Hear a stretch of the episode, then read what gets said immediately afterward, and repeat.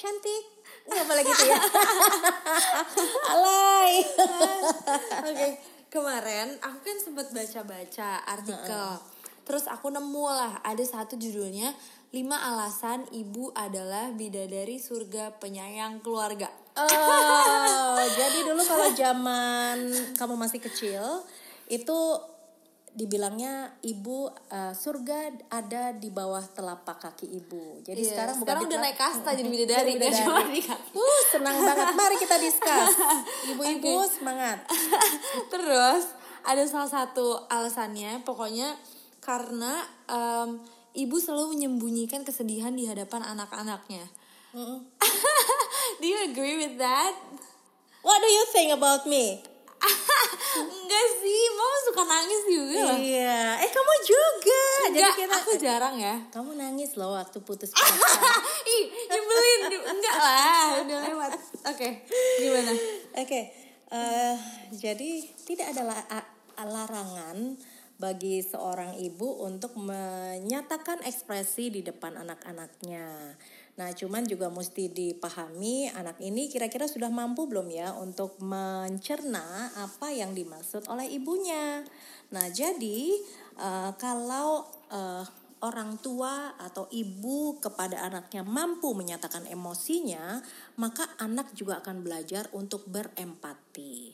Anak juga akan bisa membedakan emosi-emosi. Ada berbagai emosi, jadi dia tahu bahwa oh terhadap suatu eh, aksi seperti ini maka akan menimbulkan iya satu kejadian atau aksi akan menimbulkan reaksi gitu. Nah, jadi justru malah sangat baik bila uh, hubungan antara ibu dengan anak-anaknya adalah hubungan yang dekat sehingga bisa mereka memahami emosi apa yang sedang dirasakan baik oleh ibu maupun oleh anak-anaknya. Mungkin kayak ini kali ya, kayak dalam kehidupan sehari-hari anaknya jadi bisa tahu kayak oh kalau dihadapin sama situasi kayak gini eh, biar apa ya penanganannya lebih dewasa sebagai seorang yang dewasa kayak ibu juga jadi contoh gitu nggak sih? Kayak apa eh, kalau lagi sedih ya nggak apa-apa it's okay to feel sad tapi kasih batasan sampai kapan abis itu ya udah gitu Nah, ya itu udah pinter. iya ya makanya kan?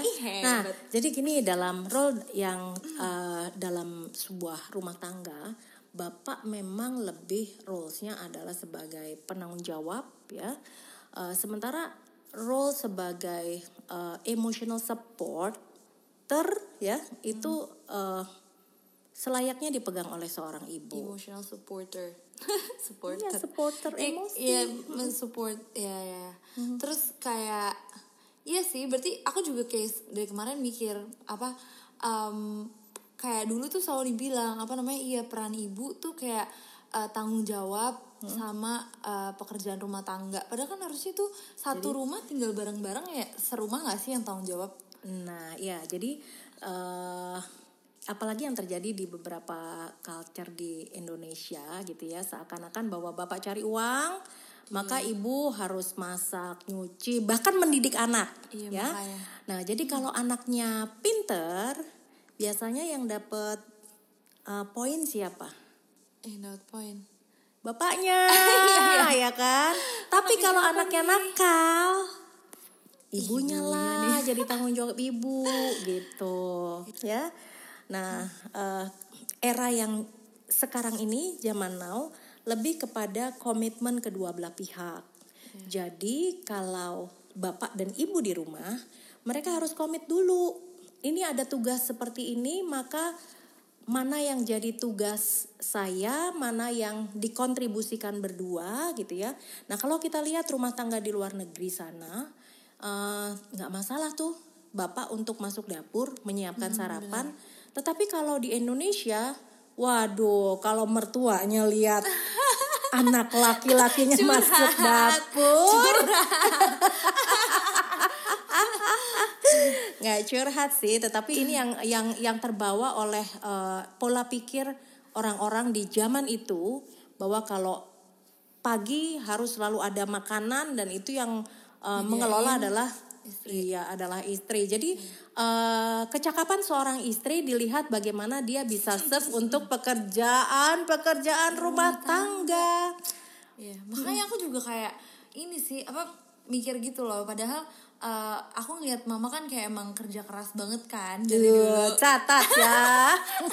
Terus terus kayak nggak masalah aja buat aku untuk kayak apa namanya em, cari makan tuh nggak harus nggak harus kayak nunggu mama bikinin gitu ya nggak sih? kayak kayak udah apalagi pas aku udah gede gitu ya kalau misalnya ada yang masih ngerengek-ngerengek minta makan di rumah tuh kayak recet aja dan aku juga mungkin ya gitu aku sendiri juga nggak bisa masak sih by the way. Nah, jadi sekarang gini, apa namanya? Kalau berpengalaman sebagai pengalamanku sebagai seorang ibu untuk urusan dapur yang which is eh, saya adalah eh, perempuan yang berkarir kebanyakan di luar rumah, ya kan? Nah, maka bangun pagi setiap hari setengah lima is emas. Nggak tahu ini udah kayak biological clock aja, ya. Terus kemudian kalau menyiapkan sarapan untuk keluarga itu bukan karena supaya dianggap sebagai ibu yang baik, tetapi saya melepas apa yang ada di dalam sini. Nah, yang di dalam sini loh dilepas, ya kan? Jadi kalau saya melakukan ini adalah karena memang ini adalah wujud rasa cinta saya kepada keluarga dan ini bukan karena saya bertanggung jawab untuk ini. Nah, setelah dirasakan, dulu sih memang pernah eh, apa eh, mama punya punya pikiran bahwa ini adalah tanggung jawab saya sebagai seorang ibu. Tetapi seiring dengan usia dan kebijaksanaan yang semakin bertambah, ketika sekarang menjalaninya dengan ini adalah rasa yang ingin saya lepas dari dalam, maka coba kamu lihat sekarang masakan mama lebih enak-enak kan? Iya sih udah bisa masak. Iya iya iya. Bener sih. Nah, Iya, tapi iya. dia bisa masak itu juga uh, motivasi seorang ibu di zaman now itu uh, didukung karena bantuan teknologi. Kira-kira semangat motivasi Iya itu kan, muncul, foto-foto betul, ditaruh di ya kan? Instagram. Coba kalau ibu-ibu di zaman dulu begitu masak, padahal udah masakannya enak, ya kan? Hmm. Udah ditata dengan cantik, tapi siapa yang bisa menikmati? Cuman yang lihat aja. Bener. Kalau zaman sekarang bisa everlasting. Iya, apalagi mama suka banget posting. Bener sih, ini kayak aku juga pernah baca apa penelitian gitu. Eh, emang apa ya? Gimana kita benar-benar membedakan eh, role ibu dalam hal yang kayak socially accepted sama sama apa yang emang benar-benar dibutuhkan secara psikologis gitu. Kayak apa em, kriterianya ini parenting yang bener tuh saat eh, anaknya bisa showing emotions ke orang tuanya. Misalnya cerita terus lebih terbuka terus kayak kalau misalnya dia butuh butuh temen gitu tuh bisa apa ya bisa ke ibunya Iya. kayak gitu tuh em, apa yang bener-bener dibutuhkan yang tadi emotional support. Kalau misalnya ngeliat secara patokan secara sosial kayak mama nggak bisa nggak bisa disesuaikan sih. Aku justru malah ngambil kayak kerja kerasnya terus apa em, bagaimana mama profesional di kehidupan ya di kehidupan prof- profesional gitu. Dan sebenarnya juga kehidupan pribadi mungkin lebih kayak apa ya bagaimana mama ketemu orang terus kayak eh, respon sama cerita ceritanya dan lain-lain gitu. Jadi juga bisa relatable terus aku bisa bisa gunakan juga di kehidupan aku gitu. Jadi kalau misalnya masih ngomongin role yang secara sosial untuk masak dan ngurusin rumah tangga sih rese ya jujur Iya, ya jadi kan sebetulnya juga gini seperti revolusi industri ya kan sekarang sudah 4.0 gitu kan. Ibu-ibu juga berevolusi loh. Gitu ya. Jadi dari tugas-tugas yang memasak dan lain-lain sekarang lebih sudah ibu itu harus punya kecerdasan emosi yang Iya. ciamik. Iya benar. Tapi hebat banget juga sih ibu-ibu yang apa namanya emang dari dulu mungkin jiwanya udah yang masak banget tuh kayak apa namanya bude kan bisa bikin nasi cemplung. Promosi. Promosi. itu kayak keren banget juga. Maksudnya emang karena uh, punya apa ya tapi kerennya adalah bukan cuma masak di rumah saat masakan itu bisa jadi bisnis terus bisa Iya. jadi macem-macem gitu jadi emang emang sumber penghidupan gitu bukan yang emang sekedar tugas jadi the role ibu Iya, ya. ha-ha, Ha-ha. it's- it's- Masih jadi profesional di kantor Iya. juga, masih mengelola bisnis juga, di dapur juga beres, ya kan? Terus apa lagi? Masih sekolah lagi online dan berbagai macam. Uh, Oke teman-teman dibuka ya nasi cemplung. Iya. Terus um, iya sih benar. Jadi emang harus dipisahin mana bukan dipisahin maksudnya lebih diintegrasikan dan di uh, di apa ya diinternalisasi yang mana yang sesuai secara sosial dan emang dibutuhkan secara psikologis. Dan kalau memang kita tidak memenuhi standar sosial ya nggak apa-apa. We have our own standard. Dan sebenarnya standar psikologis tuh lebih lebih juga lebih apa ya lebih important gitu maksudnya aku nggak merasa aku kekurangan dengan mama nggak bisa masak gitu Aku Eh, eh, eh, tolong aku nggak- iya, iya, sorry, ya. sorry udah bisa udah bisa maaf maaf, maaf. maksudnya udah belajar tapi aku sama sekali nggak merasa kekurangan kayak Ah. kayak eh, ya cukup aja gitu. Maksudnya urusan perut perut aku juga aku juga bisa lebih ngatur. Kayak aku sekarang juga aku kan udah gak makan daging. Kayak aku nggak nggak bisa yang apa ya eh, pasrahin aja sama orang rumah. Kayak padahal ya orang-orang rumah pengen makan daging sih ya.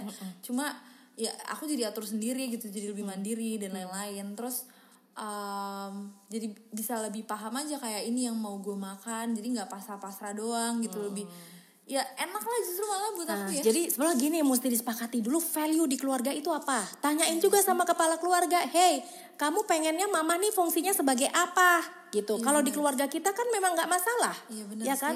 Dari awal uh, mami nggak pernah dituntut untuk menjadi perempuan yang serve pinter masak.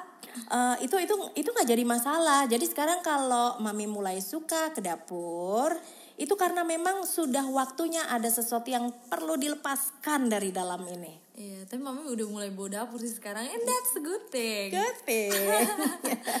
Parfumnya parfum keibuan. Parfum kayak ibuan. Terus kalau dari pengalaman ketemu orang-orang dan dengerin cerita orang, ada kisah nggak? Ya, jadi gini, eh, selalu dalam eh, pekerjaan, terutama di klinik dalam melakukan coaching dan terapi untuk klien-klien gitu ya, eh, selalu mama minta kepada ibunya yang datang, gitu ya, rather than eh, orang tua itu eh, menyerahkan anak-anak mereka kepada saya, gitu, karena perubahan yang terjadi, apalagi ibu akan eh, memberikan eh, tadi positive reinforcement dalam hal eh, emosi dan sebagai emotional supporter kepada keluarga, maka perubahan akan dimulai dari ibunya. Iya sih, gitu. Ya Kayak jadi Role-nya penting banget ya. Hah? Role-nya penting banget. Penting banget ibu-ibu untuk belajar bagaimana mengelola emosi, bagaimana oh ya eh, mengenai emosi itu. Jadi kita nggak usah deh bilang emosi itu positif atau negatif. Tetapi ada dua hal. Yang penting emosi itu destruktif atau konstruktif. Misalnya kalau sedih itu emosinya apa? Sedih. Sedih itu yang dimaksud dengan destruktif maupun konstruktif, destruktif itu merusak, konstruktif itu membangun, ya kan? Kalau misalnya ibu harus cerita, aduh nah mama lagi sedih banget gara-gara bla, misalnya gitu ya. Nah anak juga akan memahami, mungkin dengan kesedihan itu membuat si ibu ini jadi semangat. Iya. Gak apa-apa mah lagi kayak gitu. Anaknya bisa menye- me- apa eh, memberikan semangat kepada ibunya. Jadi eh, emosi itu kita lepaskan, nggak usah berpikir bahwa emosi itu positif atau negatif, tetapi emosi, itu- Emosi itu membangun, membangun kan? atau Iya. merusak begitu. That's true, I agree. Okay, so um, what's the conclusion? Oke, ada tiga. Yang pertama, peran ibu yang baik secara sosial itu belum tentu sesuai dengan secara psikologis. Jadi ibu-ibu butuh pencarian jati diri. Mau jadi ibu yang seperti apa? ya. yang kedua, secara psikologis anak perlu mengenal emosi. Jadi ibu tidak perlu menutup-nutupi apa yang dirasakannya, namun bisa menunjukkan emosi sesuai dengan porsinya. Dan juga perlu dipahami kapan saya bisa mencari waktu yang baik, ya kan, untuk bisa bincang-bincang hati ke hati dengan anak-anaknya. Jadi kalau lagi sedih bukan berarti harus kayak faking terus kelihatan seneng di depan gitu ya. Wajar aja. Yang Oh, penting eh, waktunya tepat, kuantitinya juga. Jadi jangan untuk hal-hal yang eh cuman karena baper gitu ya. Nah, anak juga akan meniru tuh kalau ibunya baper, cerita anaknya malah akan memodeling ibunya. Oke, jadi boleh nunjukin sedih tapi harus diolah Ada juga alasannya gitu ya. juga kenapa sedih gitu kan. Atau kalau ibunya cerita, "Mami lagi sedih deh." Kenapa, Mam? gitu. nggak tahu deh. Oh, halo, gitu kan. Kayak remaja. Kayak remaja ya. Heeh. Terus yang nomor tiga, Jadi penting sekali untuk menentukan peran ayah, ibu dan juga anak-anak. Nah, ini perlu juga keluarga untuk membicarakan ini secara terbuka. Jadi tidak nanti ayahnya akan menyalahkan ibu padahal ibunya nggak tahu fungsinya sebagai apa gitu kan. Gitu. Ya, jadi uh, yang menentukan kita itu good mother atau tidak bukan dari apresiasi anak maupun suami pada saat hari ibu. Jadi banyak juga nanti ibu-ibu yang baper pas pada saat hari ibu lupa diucapin selamat hari ibu. Dan coba perhatikan nanti kalau menjelang hari ibu status-status anak menulis apa buat ibunya pasti akan di repost. Selamat hari ibu. Oke, okay. selamat hari juga eh, hari ibu juga buat ibu-ibu Indonesia. Oke. Okay. Thanks. Have a great day. Thank you. Nice to talk to you. Bye. Bye.